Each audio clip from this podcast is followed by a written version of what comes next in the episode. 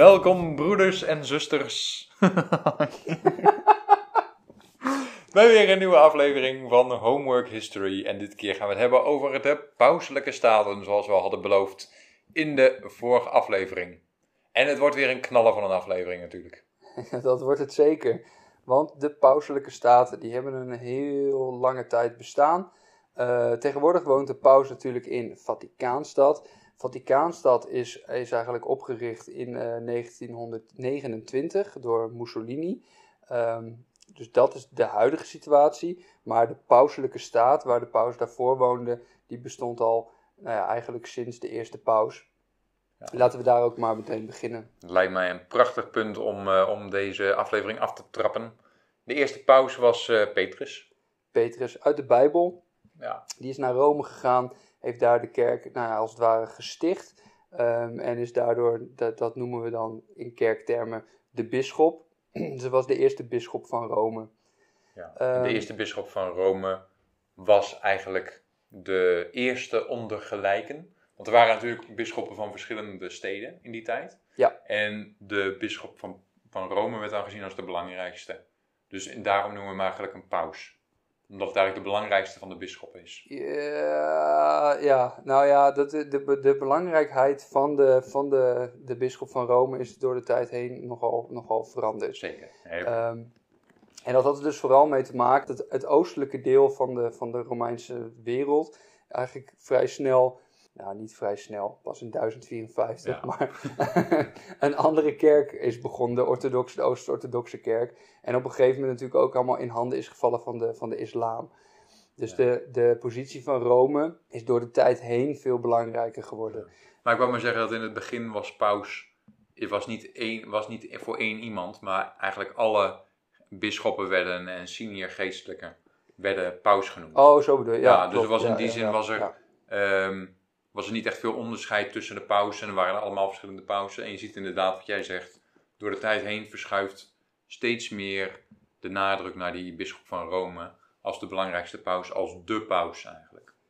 Ja, ja. En, dat, uh, ja, dus, en de, nou, er wordt steeds een opvolger gewoon gekozen. En die wordt gezien als de opvolger van Petrus. Ja. Uh, en daarmee... Petrus is dus een discipel van uh, Jezus. Uit de Bijbel. Ja, ja uit de Bijbel, ja. Ja, dus... maar en wat er dus ook aan de hand was ondertussen, naast dat de, de rest van de kerk een beetje aan het afbrokkelen was, is dat het Romeinse Rijk in het westen, vooral in Italië, sowieso aan het afbrokkelen was. Wat dus ook betekende dat de, uh, de paus ook een steeds de wereldlijke macht steeds belangrijker werd. Ja. Want het was eigenlijk het enige instituut wat nog bleef staan in, de, nou ja, in het afbrokkelende Romeinse Rijk. Maar dat is misschien meteen wel interessant uh, om te zeggen. De, de, de pauselijke staten waar we het natuurlijk vandaag over hebben, uh, bestonden in het begin helemaal niet. Want er waren in die zin geen, was geen pauselijk land. Het was gewoon een, de paus van, van Rome. Dus het was gewoon eigenlijk alleen de religieuze instelling. Maar Ja. dat, ze hadden nog geen bezit. Ja. Dat bezit komt pas door de tijd heen. Je ziet dat eigenlijk vanaf de vierde eeuw de pausen steeds meer gebied rondom Rome in bezit kregen. Ja, want dat is inderdaad grappig dat het begin, het begin van de pauselijke staat is dus eigenlijk gewoon ehm, christelijke mensen, christelijke Romeinse mensen met gebied rondom Rome, die hun gebied afstaan aan de, aan de kerk, als het ware, aan de, aan de paus. En daardoor groeit er een heel soort territorium rondom Rome, Ja. eh, van, wat bestuurd wordt door de paus. Ja, je ziet dan ook bijvoorbeeld dat de paus Leo I ook de plundering van Rome voorkomt door eh, Attila de Hun. Die destijds, eh, destijds waren er zeg maar allerlei barbaren die het Romeinse Rijk binnenvielen door allerlei volksverhuizingen. En Attila de Hun was er eentje van en die probeerde Rome te veroveren. En dan zie je dus dat dan de macht van de paus eigenlijk al heel erg is uitgebreid. En dat Leo I dan al eh, ook eh, militaire macht heeft en ook ervoor zorgt dat Attila dus uiteindelijk niet de stad Rome inneemt op dat moment. Ja, inderdaad. En dat zijn dus hele belangrijke momenten waar die dus ook enorm veel prestige mee verwerft. Ja. En dus de positie van de paus eh, versterkt. Ja. Nou, wat, op een gegeven moment krijg je dus eh, eh, keizer Constantijn. Want wat we eigenlijk nog helemaal niet hebben genoemd, is dat eh, de eerste, de eerste de drie, vier eeuwen dat het, de christelijke kerk bestaat in Rome, is het eigenlijk een ondergrondse kerk. Want het, eh, het christendom was helemaal niet een officiële religie en was, werd zelfs vervolgd aan het begin. Uh, dus al het land waar, ik, waar we het net over hadden, waar, dat werd vergaard door de kerk, dat was een beetje ondergronds, ja, niet officieel kerkelijk land. Maar keizer Constantijn, ik heb even geen jaartal, maar dat is ergens in de vierde eeuw. Uh, Constantijn maakt het christendom de staatsreligie van uh, het Romeinse Rijk. Ja. Um, en, nou ja, halverwege ergens de vierde eeuw was dat. Ja, uh, en wat Constantijn dus ook doet, is hij schenkt een deel van, het, uh, van, de, van de pauselijke staten, of van, van de landen rondom Rome, schenkt hij aan de paus. Maar wat dus interessant is, is dat deze schenking, de donatie van, van uh, Constantijn, of de schenking van Constantijn, is later, in de middeleeuwen, is dat vervalst. Is dat een vervalst document, waardoor het veel groter is gemaakt dan wat het eigenlijk was.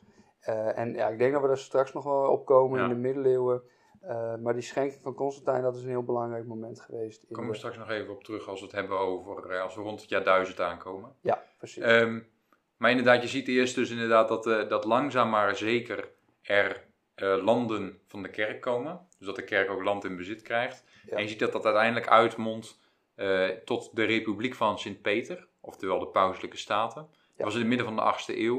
En dat was eigenlijk het onderdeel van een bredere politieke herconfiguratie. Nou, wat er dus vervolgens gebeurde uh, vanaf, de, vanaf de vierde tot de, tot de achtste eeuw, zeg maar, uh, is dat, nou ja, het was een vrij, het was een vrij onoverzichtelijke situatie in, uh, in West-Europa en in Italië.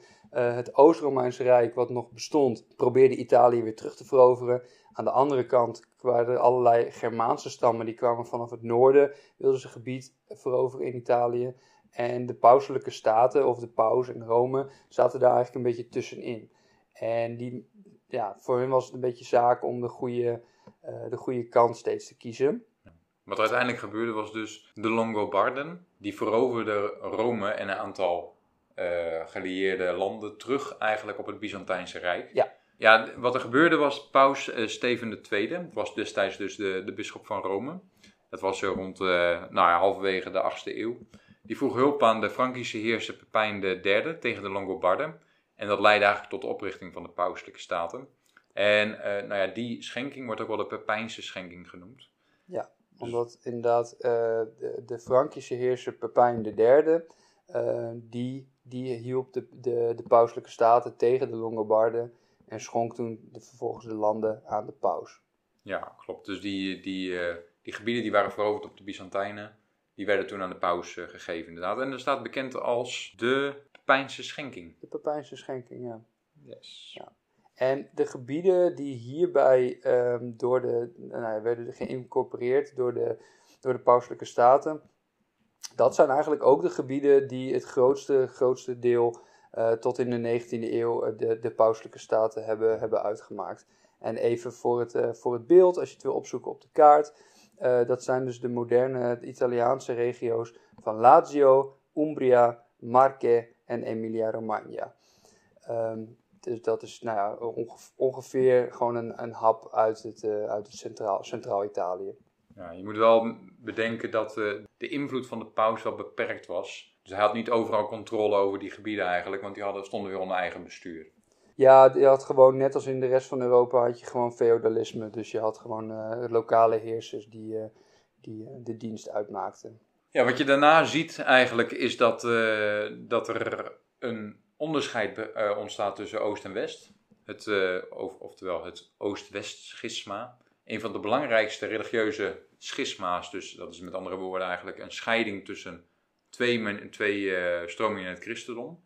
Dus de belangrijkste stroming eigenlijk binnen het christendom die gescheiden is, dat is het Oosters-orthodoxe christendom en het katholieke christendom.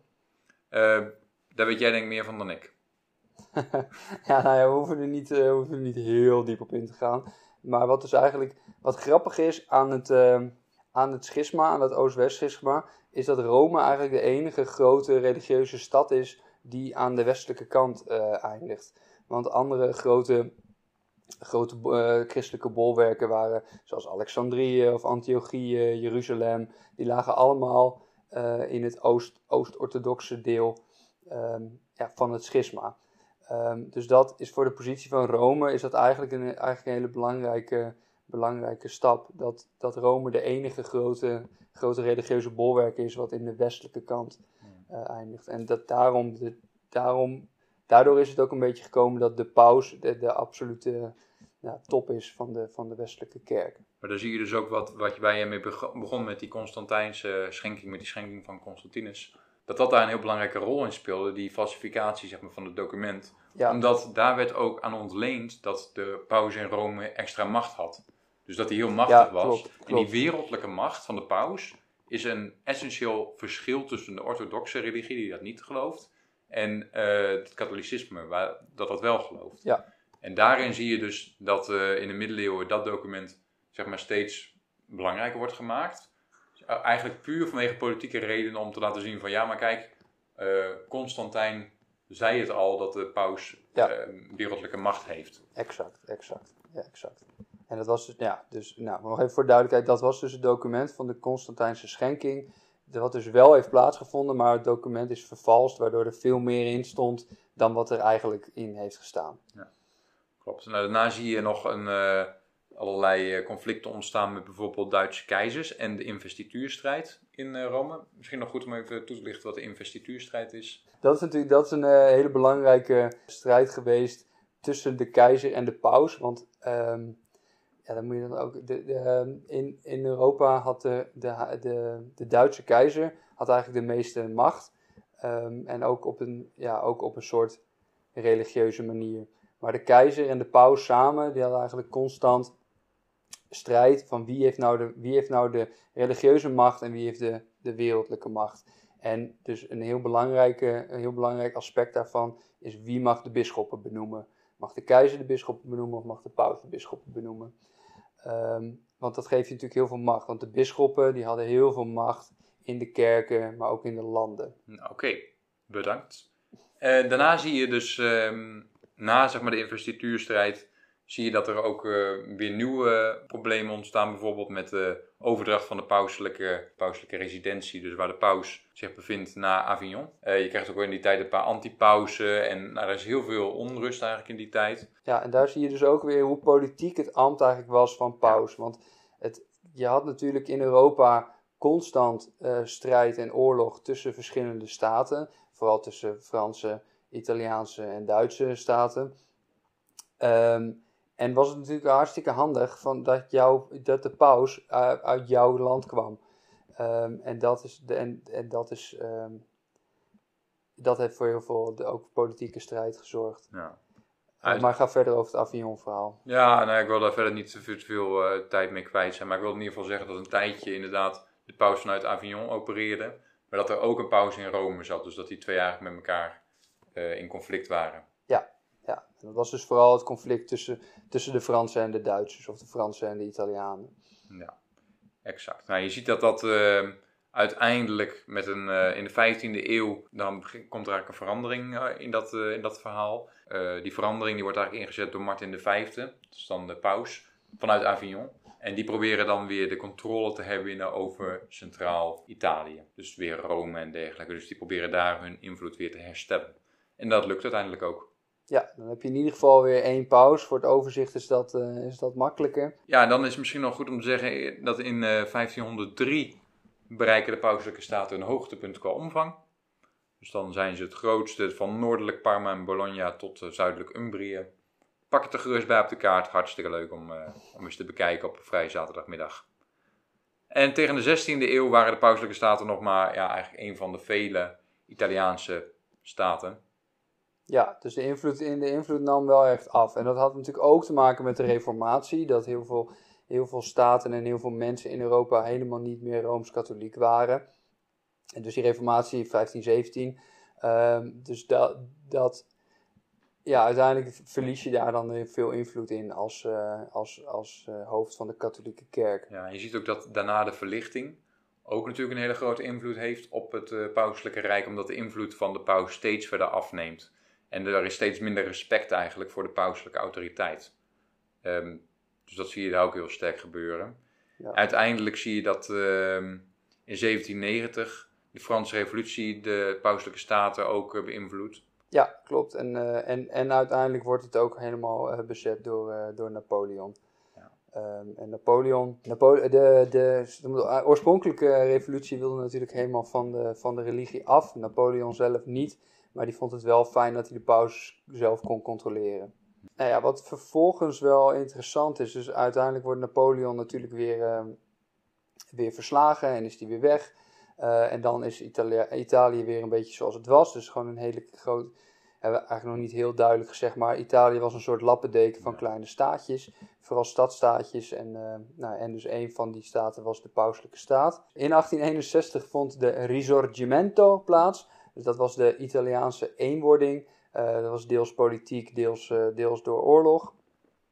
en eigenlijk alle, alle voormalige pauselijke gebieden hebben zich daar toen ook aangesloten bij, de, bij het grotere Italië, behalve Rome. Want daar zat de paus nog en die wilde, zich, die wilde zich niet onderwerpen aan het Italiaanse gezag. Je ziet ook nog steeds de invloed van de Fransen.